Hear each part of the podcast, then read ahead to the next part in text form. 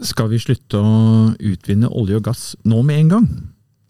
Er Norge en klimaversting? Eller er det slik at vi leverer et nødvendig onde til fordel for alle i mange år fremover, slik eksperter som Rystad Energy og Wood McKenzie hevder? Er det i det hele tatt mulig å bytte vårt totale forbruk av kull, olje og gass til sol og vind? Er egentlig sol- og vindkraft nullutslippsenergikilder? Hva med kjernekraft?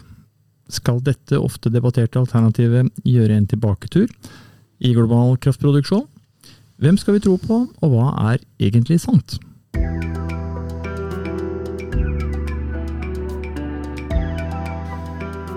Dagens tema er sannheten om energiskiftet, der vi forsøker å gå et skritt nærmere helheten i det grønne skiftet. Jeg heter Alexander Ramløf Dahl og er leder av Private Banking i Danske Bank. Og som vanlig har jeg med meg vår sjefstrateg Anders Johansen. Velkommen, Anders. Tusen takk. Dette er ikke noen liten oppgave vi har tatt på oss i dag, Anders. Den er faktisk så stor at når vi eh, satt og jobbet med stoffet, så fant vi ut at dette må vi dele i to episoder. Ja, det tror jeg var lurt. Det er bra. Vi fyrer av gårde.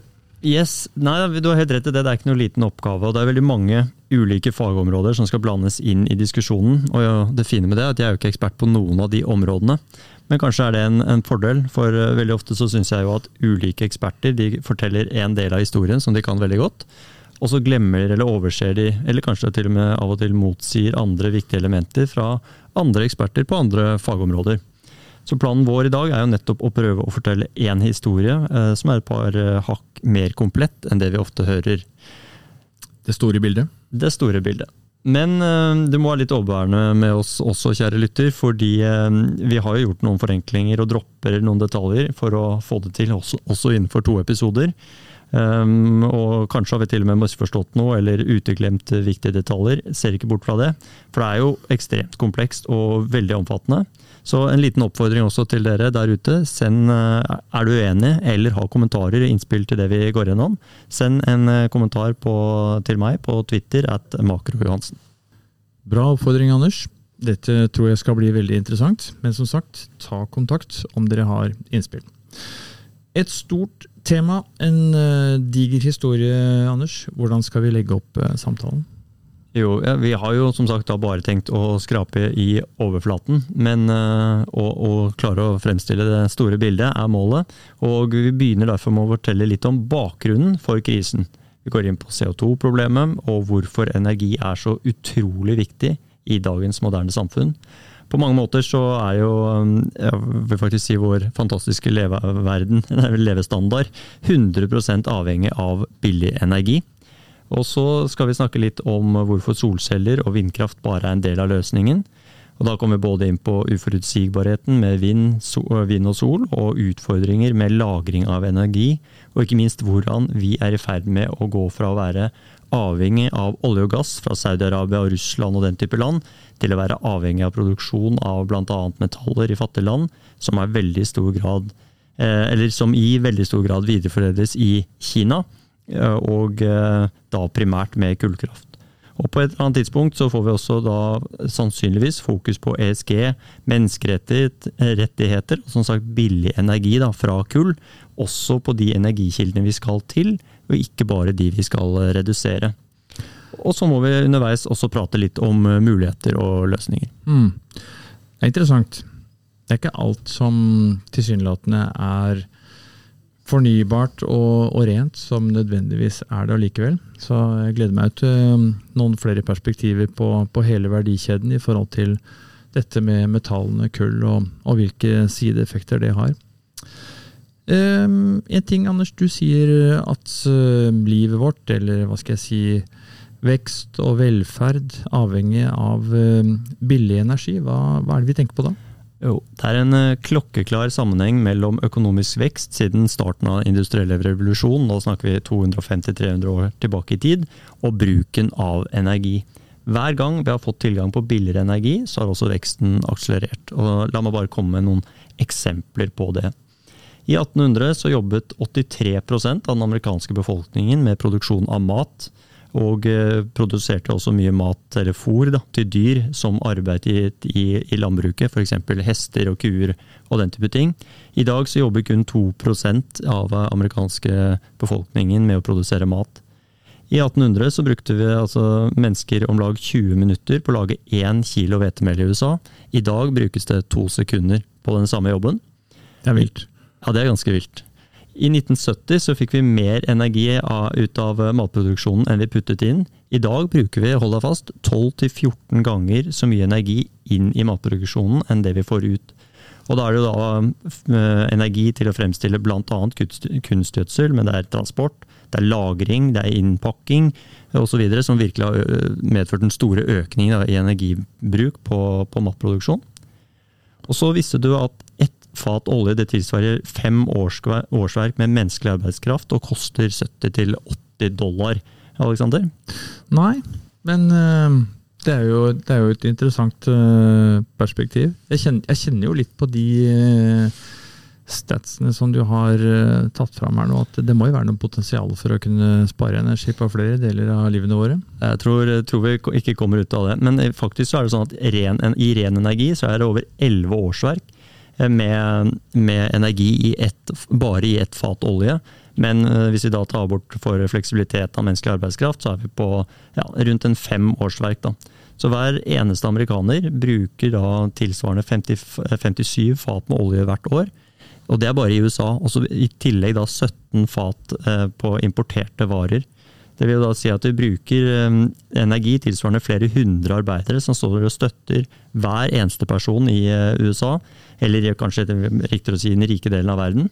Hvor de da er med på eller Vi bruker energien, men de tar jo ikke del av den, de gledene som den energien skaper. Så jeg syns det, dette er med på å illustrere da egentlig hvor, hvor avhengig vi er av denne energien i, i dag. Ja, og på siden så må det være lov å mene at dette er jo helt vanvittige tall. Det sies jo i dag at vi er i verdens eh, fjerde industrielle revolusjon. Den første var overgang til kull i 1750. Andre var eh, naturgass og senere olje i 1870. Og den tredje var elektronikk og kjernekraft i 70. Og den fjerde er etter sigende fornybarkraft og, og internett som startet rundt eh, årtusenskiftet. Men man kan jo stille seg spørsmål da, hvor du snakker om så mange mennesker da, i den mindre utvikla delen av verden som er med og supporterer eh, velstand eller forbruket for hver enkelt person i, i Vesten, om det, om det, er et skritt fremover eller ikke? Ja, både, både, ja og nei er mitt svar på det. egentlig da, fordi Selve overgangen fra olje og gass til energi fra sol og vind det er ikke nødvendigvis et uh, fremskritt. I hvert fall ikke på samme måte som de fire tidligere industrielle revolusjonene som vi snakket om. Um, for uh, Hvis vi da sammenligner med noe som heter Energy Return on Energy Invested, altså rett og slett hvor mye energi vi putter inn, og hvor mye energi vi får ut, så lenge man da utelater kostnadene av CO2, så går vi faktisk fra noen energikilder som var kraftigere, som hadde mer energi, eller høyere avkastning, til da uh, vind og sol som har lavere avkastning på den energien vi putter inn. Mm -hmm. Og Derfor så er det egentlig ikke en fremgang. Men så sa de jo at det er den fjerde industrielle revolusjon også for denne eh, internettdelen.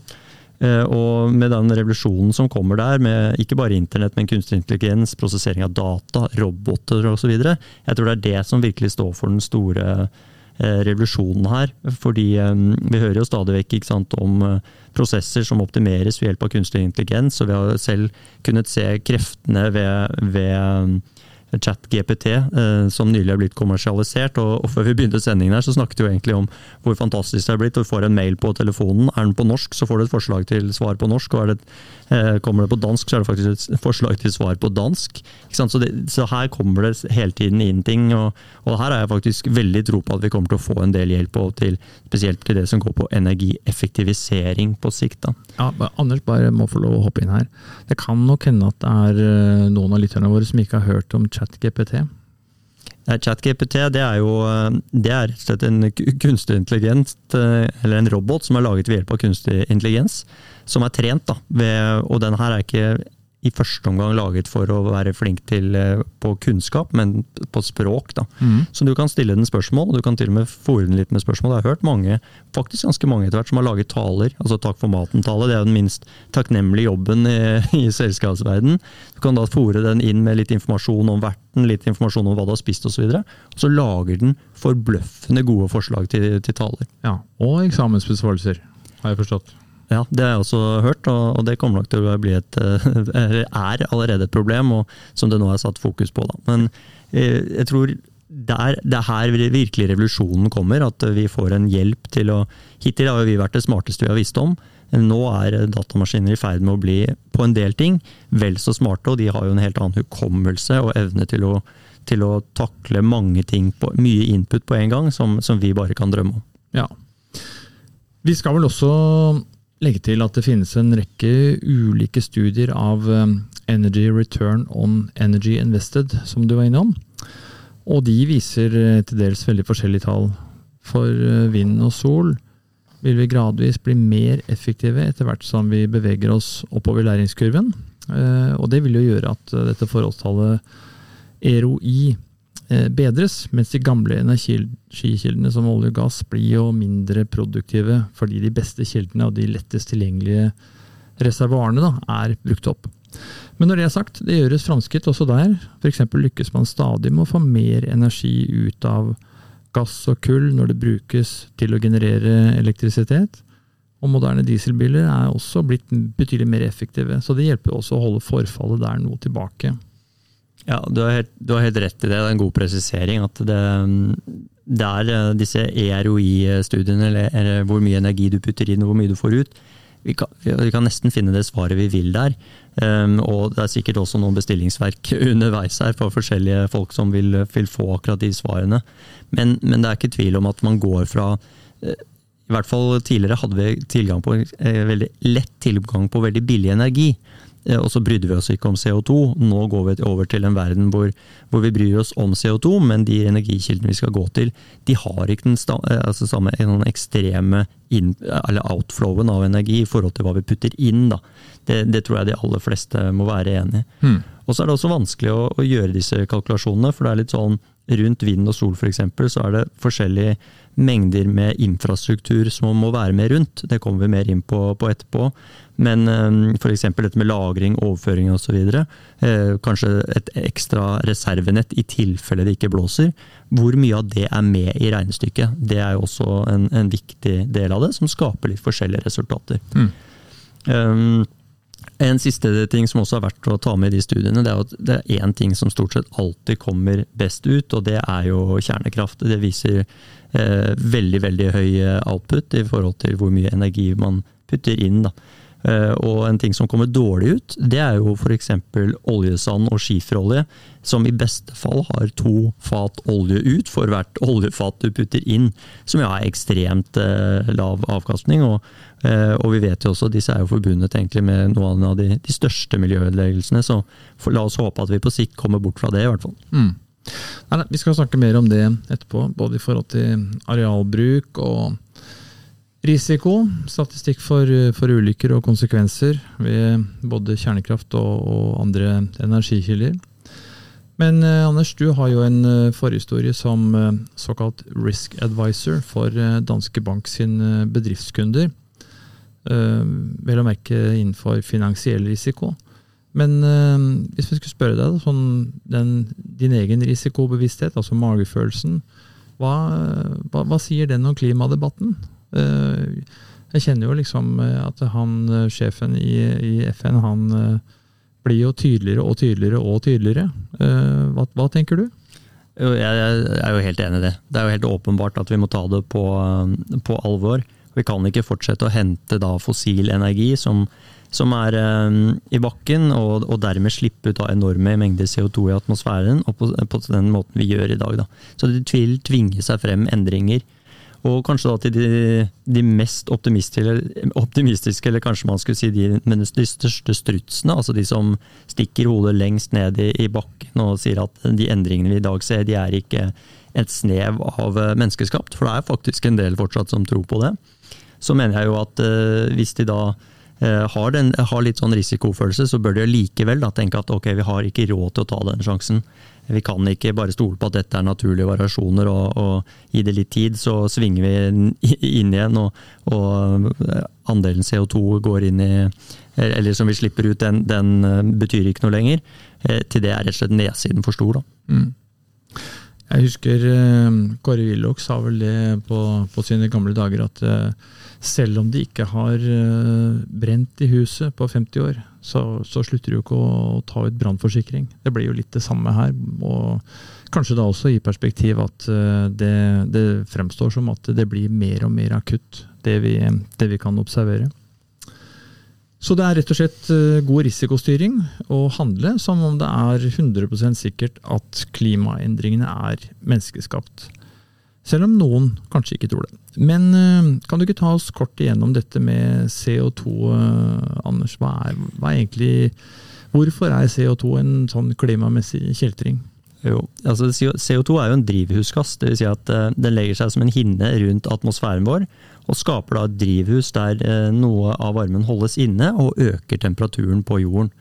Det finnes også andre viktige eh, og problematiske eh, klimagasser, som f.eks. metan. altså det, Den største delen av det som er i, i, den naturgassen som vi brenner. Vi skal ikke gå inn på den i dag, men drivhuseffekten den er faktisk helt avgjørende for at vi skal kunne leve på jorden. Vi kan verken ha for mye av den, men vi kan heller ikke ha for lite. Ehm, fordi ehm, øker vi da, eller har vi for mye drivhuseffekt, så blir altså da temperaturen den øker jo mye. Varmen ødelegger økosystemene våre, og gjør det f.eks. vanskelig å produsere mat i en rekke områder. Blir det derimot for lite drivhuseffekt, så blir det jo kaldere. Vi kan få disse små istidene som man jo faktisk har sett historisk eh, i, i, eh, når man går noen titusener av år tilbake i tid. Så det handler om balanse, da? Det handler om en, om en balanse, helt riktig. Noen grader? Noen grader. Eh, ja, og, og, det er jo, for å gi de, de som, de, disse strutsene jeg snakket om i sted litt rett, så er det jo noen ganske store naturlige variasjoner her. Eh, det er det ingen tvil om. Um, men varme da, det øker jo også erosjonen, og ikke minst øker risikoen for at isbreer smelter. Og hvis isen på Sørpolen smelter, så den, den, den ligger jo oppå land. Det vil jo si at da renner vannet ut i havet, og havnivåene stiger. Eh, og i tillegg, når is smelter, så, øker, så reduserer det saltbalansen i verdenshavene. Og det gjør da endringer av eh, saltbalansen, som gir endringer i havstrømmene, som igjen gir endringer i de globale vindene. Så her ser vi at tingene bare henger sammen, eh, og, og også illustrerer litt hvorfor det er så innmari vanskelig. da. Så det er to viktige prinsipper her som jeg tenker Det, det ene går på det som er kompleksiteten. Det er titalls, minst, ulike vitenskaper som inngår for å forstå totaliteten her. Eh, I og med at det finnes eh, mange, over, mange eksperter på, på alt, da, eller på hvert enkelt område, så er det så innmari vanskelig å få den totaloversikten som man egentlig må. Og Det ser vi også på disse klimarapportene. De er jo en uendelig nesten mengde med eksperter på hvert enkelt lille område, og så er det litt vanskelig å få det til å bli enige om hva vi, hva vi til syvende og sist enige om alle sammen. Da. Også fordi de er ekspert på hvert sitt område. Og Det andre er jo det at eh, det er jo en eh, samling med fagområder, litt på samme måte som vi har vært innenfor i, i finans, hvor det, er, hvor det er helt umulig å eh, komme med en hypotese og så teste den ut. På samme måte som vi gjorde i fysikken på, på videregående, hvor man eh, sendte lys gjennom en spalte og så kunne liksom se hva som skjedde. Det kan vi ikke gjøre her, og det er altfor mange ting som, som, blandes sammen. Så vi, vi, vi, kommer aldri til noen sånn helt konkrete svar, eh, og derfor så blir det også veldig mye synsing. Mm. Det, er jo, det er jo sånn at eh, du, du er innom dette her med at det er vanskelig å bli enige om årsak, virkning på mange av disse områdene, men det oppleves jo også som veldig vanskelig å bli enige om tiltak. Eh, og tiltak som, som virker. som har vært vitne til en rekke av disse klimamøtene opp gjennom årene. og det, det, er jo litt forstemmende å, å se hvor lite, hvor lite, konkret det egentlig blir. Eh, og du sitter jo med sånn følelse at det må bli mer og mer krise, og folk må bruke utestemmen i stadig økende grad for å, for å nå fram. Vi sitter vel med en følelse at det ikke har vært sluppet ut mer CO2 eh, tidligere enn i 2022. Stemmer det? Jeg er enig, jeg sitter med den samme magefølelsen som, som du sier der, men uh, ifølge tallene da, så stemmer det ikke helt. I 2019 Altså Året før korona så ble det altså sluppet ut 40,9 milliarder tonn CO2 etter beregningene. Mens tallet for 2022 det er 40,6, altså 0,3 i forskjell, da, eller, mm. eller, godt under en prosent. Eh, men jeg tror jo at det kommer til å komme revideringer på de tallene. fordi eh, disse tallene, Det virker som en eller annen modell som har spyttet ut veldig fort, og så kommer det til å komme noen revideringer. Og vi vet jo at, eh, at det kommer, eller at en del land har jo endret planene sine og utslippene sine i løpet av fjoråret. De fyrte opp en rekke kullkraftverk bl.a. i Tyskland og England for å, for å komme seg gjennom vinteren i forskjellige faser. Og det tviler jeg på at er en del av, av det regnestykket. Da. Eh, og til det du akkurat var innom, at, eh, at, det er så vanskelig å få til gode tiltak her. Problemet er jo litt at det ikke finnes noe eh, verdenspoliti. Eh, og Eksempel på det er jo at i fjor, da, 2022, så startet eh, Kina byggingen av totalt 106 kullkraftverk. Mm -hmm. Det er det meste siden, siden 2015. og er da, når de er ferdige, mer enn hele energiforsyningen til England. Det startet de altså med byggingen i 2022, fordi de så de utfordringene som var. Sånn at eh, Det at vi sitter og diskuterer dette i Norge og kanskje i Norden og Europa, det, det smitter ikke nødvendigvis til resten av verden. og Det er så, det er så vanskelig å få liksom alle med på laget. Mm. Kan, jo, kan jo også ha en, en viss forståelse. da, Kina og en del andre mer eh, hva skal vi si, nyindustrialiserte land. da, Eh, som har vært vitne til at eh, Vesten, og kanskje med amerikanerne i spissen, har, eh, har fyra såpass godt opp med CO2 de siste 70-80-90 årene at det er kanskje feil å si at nå er det vår tur, men at, at det kan være litt vanskeligere for de å, å, bli med på at nå må alle være med å ta en for laget. Ja, jeg ser den. Så, vel, vel. når det er snakk om CO2, så, så er det ofte snakk om PPM, eller Parts per Million.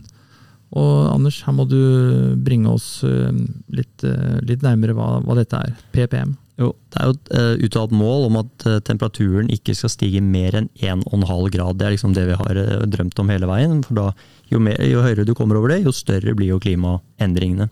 Og Da sier teorien da, at andelen CO2 den skal ikke over 430 ppm, parts per million, med CO2, altså deler med CO2 i vår atmosfære. Mm -hmm. Så vi får for mye klimagass, rett og slett, eh, totalt sett. da. Ja. Og For å sette det i perspektiv, da, disse 430, så er det da altså ca. 50% høyere enn hva det var før den industrielle eh, revolusjonen begynte, rundt 1750. Eh, og i 2022 så var vi altså på 417, så målet er ikke over 430, vi var på 417. Her, her blir jeg litt nysgjerrig. Hvordan veit vi det? Altså, hvor, hvor vi var før? 430 ppm i dag. 50 eh, eh, høyere enn i 1750. Var det noen som målte det da? Nei, da, nå er jeg ikke noen ekspert på det, men, men, her har vi jo gått inn og sett på forskjellige kilder som, som lagrer gammelt materiale. Både ved å drille f.eks. gammel is og den type ting, hvor man har satt, fastsatt det. Jeg har ikke, jeg har ikke finstudert det, men, men, men, jeg tror de er ganske trygge på akkurat det tallet. Ja, akkurat 430 er litt mer sikker på. Liksom, er det 430, 420 eller 450? I don't know, men vi er i hvert fall nære da, på de 417 hvor vi er i dag. Ja, det er en klar indikasjon på at klokka tikker. Altså, det går, eh, det går fort mot 430 eh, eller 450, eller kanskje det viktigste, halvannen grad. Eh, ikke sant? Og det, og det, gjør det. Bare for å si også um, Ok, vi er på 400, La oss si at vi er på 417 og ikke må overstige 430 for at vi kommer over denne halvannen graden. Men vi slipper altså da ut 2,3 ppm, eller den øker med 2,3 per år. Med litt variasjon, litt sånn pluss og minus, men det er med andre ord litt under seks år da, til vi er der, med hvis vi fortsetter å slippe ut på dagens nivå. Og det var da ikke noe endring sant, fra, fra, 2019 til, til 2022, så å tro at vi skal få det veldig mye ned i 2023 eller 2024 også, er jo, er jo ikke så sannsynlig. da. Og når du sier til vi er der, så er det faktisk altså 1,5 grad økning i temperaturen? Ja, så tror jeg selve økningen av temperaturen henger nok litt etter. Men jeg tror poenget er at når vi kommer til 430, så, så klarer vi ikke å stoppe før vi er i hvert fall på halvannen grad høyere. Men, men, det er ikke sånn én til én. Det er ikke som å skru opp termostaten, og så stiger temperaturen en, en time etter. Det tar litt mer tid. Mm. Men eh, ja, teorien sier at eh, kommer vi til 430 ppm, så, så er vi i beste fall på 1,5 grad høyere temperatur. Da. Ja.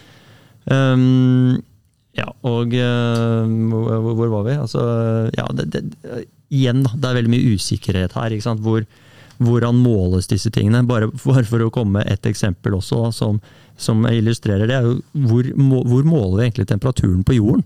Ikke sant? Er det, mm, tar man en snittemperatur? Velger man ut noen steder? 70 av jordens overflate er jo vann.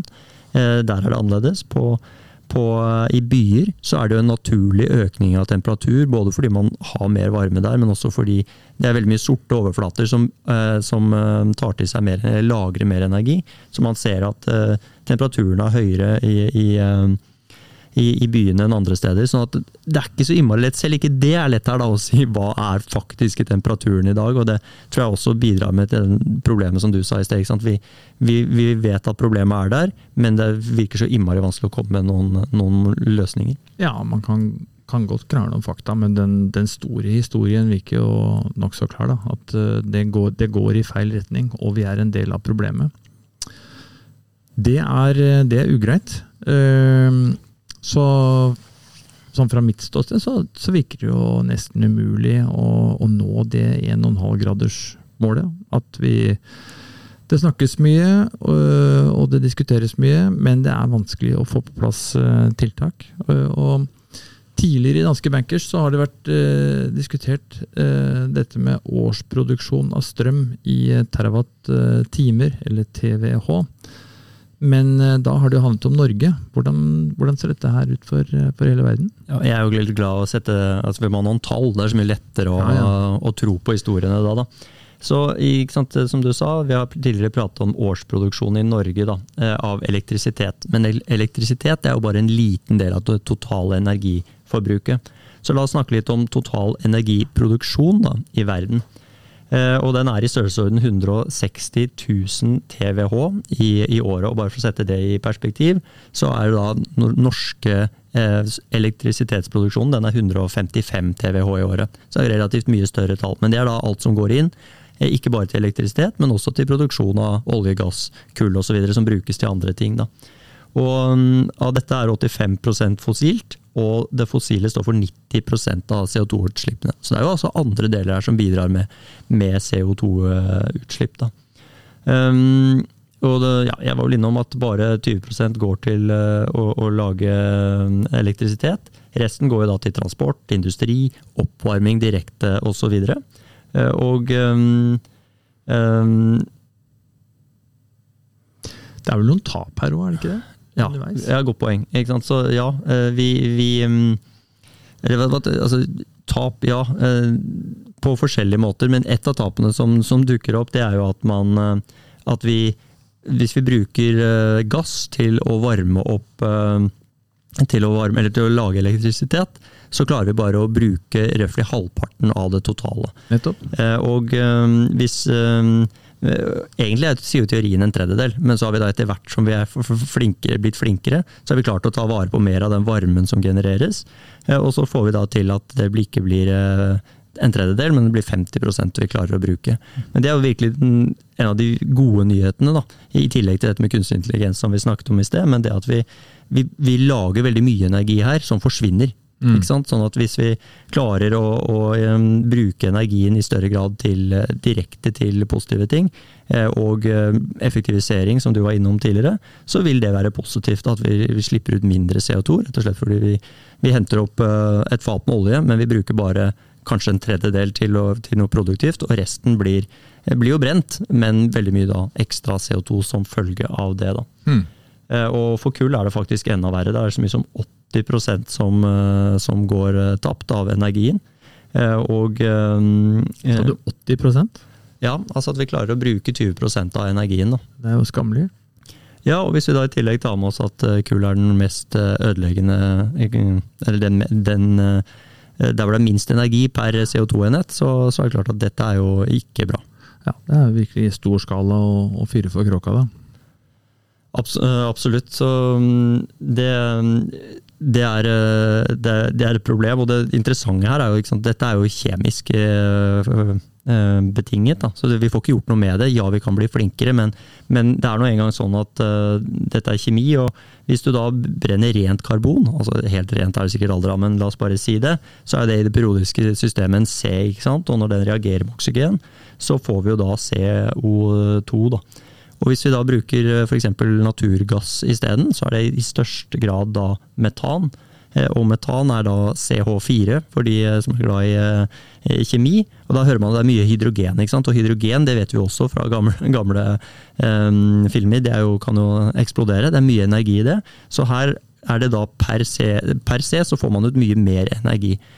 Så fra å gå fra å brenne rent kull til å brenne eh, naturgass, så får man da ut dobbelt så mye energi for den CO2-en man slipper ut. Mm.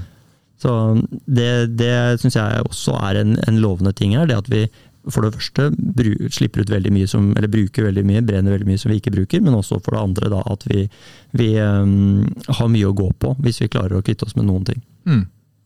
Så sånn sett, da, i denne lille kjemitimen så, så, kan vi ta med oss da, at det er uh, høyere effektivitet da, på, på, naturgass enn en kull. og det, det, er jo veldig positivt da, hvis vi kan flytte eh, bruken av energikilder fra kull og til andre, til andre kilder.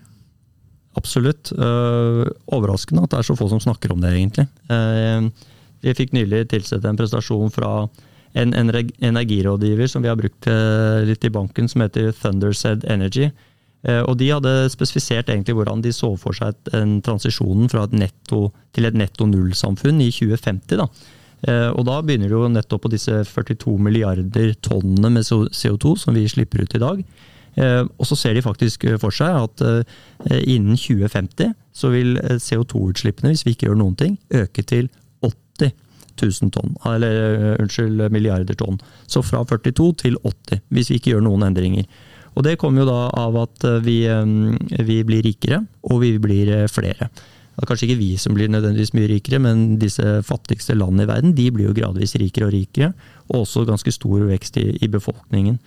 Og da, da, vil det jo være sånn, ok, vi kommer ikke da, da er vi ikke, da er vi ikke i nærheten av 1,5 grad, da er vi ikke i nærheten av 2 eller 3 grader heller, antageligvis. Men så spesifiserer de da ok, hvordan innen 2050 kan vi komme oss til til eh, netto nullutslipp. Og da er det viktig å si netto null, for det er ikke dermed sagt at du ikke skal slippe ut noe CO2. Men vi skal finne måter å kompensere for det. Mm. Eh, og um, bare 15 da, av de 80, ikke sant? nå er vi på 80, så er 15 milliarder lavere fra fornybare ting. Altså olje og Nei, fra, unnskyld, fra vind og sol osv. Det er 17 milliarder, altså mer enn det som går fra vind og sol, som går fra å gå fra, fra kull til gass. Så det, De er inne på akkurat det vi snakker om nå. Å gå fra kull til gass det gjør at vi kan redusere med omtrent like mye da, som å skifte stadig økende til vind og sol. Og så er de inne på effektivisering, minus 6. De snakker også om forskjellige etterspørselsteknologier på 11. CO2-lagring på 10.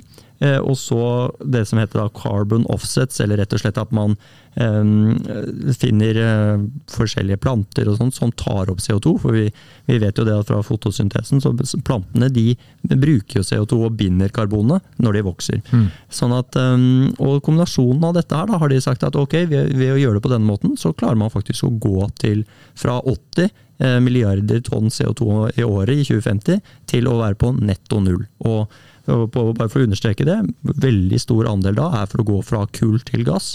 Og man faktisk ser for seg å tredoble eh, bruken av naturgass i det scenarioet der. Ja, Så det handler om effektivitet. Men eh, det handler vel da om at prioritet én, det, det bør være å gå etter kullforbruket. Eh, men du sier jo også at vi kaster bort store deler av den termiske energien når vi bruker fossile kilder til å lage strøm.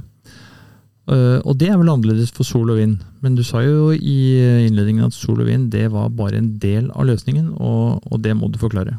Ja, nesten, Når du sier det på den måten, så er det nesten så jeg blir litt forvirret selv òg. Men um, det, det, det, stemmer at sol og vind det er langt mer effektivt enn å bruke Vi har, vi har en til i, oppi ermet. Ja, tilbake til. Noe mer, for mer forvirringer? Ja, ja. Men sol og vind det er altså langt mer effektivt um, til å, å generere elektrisitet når det gjøres direkte. F.eks. når det blåser, eller når det er sol som, som, skinner på disse solcellene. Men det er jo ikke alltid det verken blåser eller er sol. Eh, og mm, For å få litt mer system i det vi skal snakke om nå, disse utfordringene, så er jeg delt inn i fem områder. Og Det første området det er at disse kildene er uforutsigbare. Rett og slett at man eh, Ved bruk av vind og sol så trenger vi et lagringssystem eventuelt et backup-system, som da ofte omtales som balansesystem. Og det var jo det, hvis vi går 10-15 år tilbake i tid, så var det sånn man så for seg bruk av norsk vannkraft. Mm. Så det skulle være et sånt reservemagasin for eh, økende vindkraft i uh, Europa. For det andre så må vi snakke litt om uh, installasjonene som lages. så De bruker jo mye energi på å, å fremstille dem. Og i hvert fall sånn i første omgang, når vi ikke har mer miljøvennlige måter å lage det på, eller lage energien på. Og I tillegg så er det da også stor bruk av metaller og andre råvarer, f.eks. sement, som inngår inn i det. Så det har jo også et miljøavtrykk. Og, og transport? Ikke sant. Ja. Uh, og, det er jo et tredje poeng her. Transport både av disse varene, men også av elektrisitet. Rett og slett at den Hvis det er havvind f.eks., det er jo ingen som bruker det der. Du, vi setter ikke opp en fabrikk ved siden av der, så da må du sende den inn til land. Da forsvinner det noe, noe i strømnettet. I norske nettet er det faktisk 8% per år. Så Det må vi snakke litt om. Og så er det jo da bruk av arealer. Det har vi jo hørt mye om i media i det siste, rundt Fosen-saken bl.a. Eh, og så er det et siste poeng, da. At vi eh, bruker jo faktisk fossile materialer til mye annet enn bare å lage energi. Tenker da på olje, asfalt, vi tenker på naturgass og til eh, gjødsel osv. Flott. Dette er som sagt stort, Anders, og det er mye å, mye å ta inn på en gang. Så jeg foreslår at vi setter strek for vår første podkast om det grønne skiftet fra et fugleperspektiv. Og det er jo nå at vi da setter vind, sol og elbiler inn i en større sammenheng.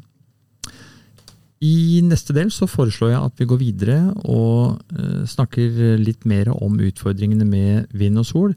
Og den delen, den kommer i morgen. Så vi høres da.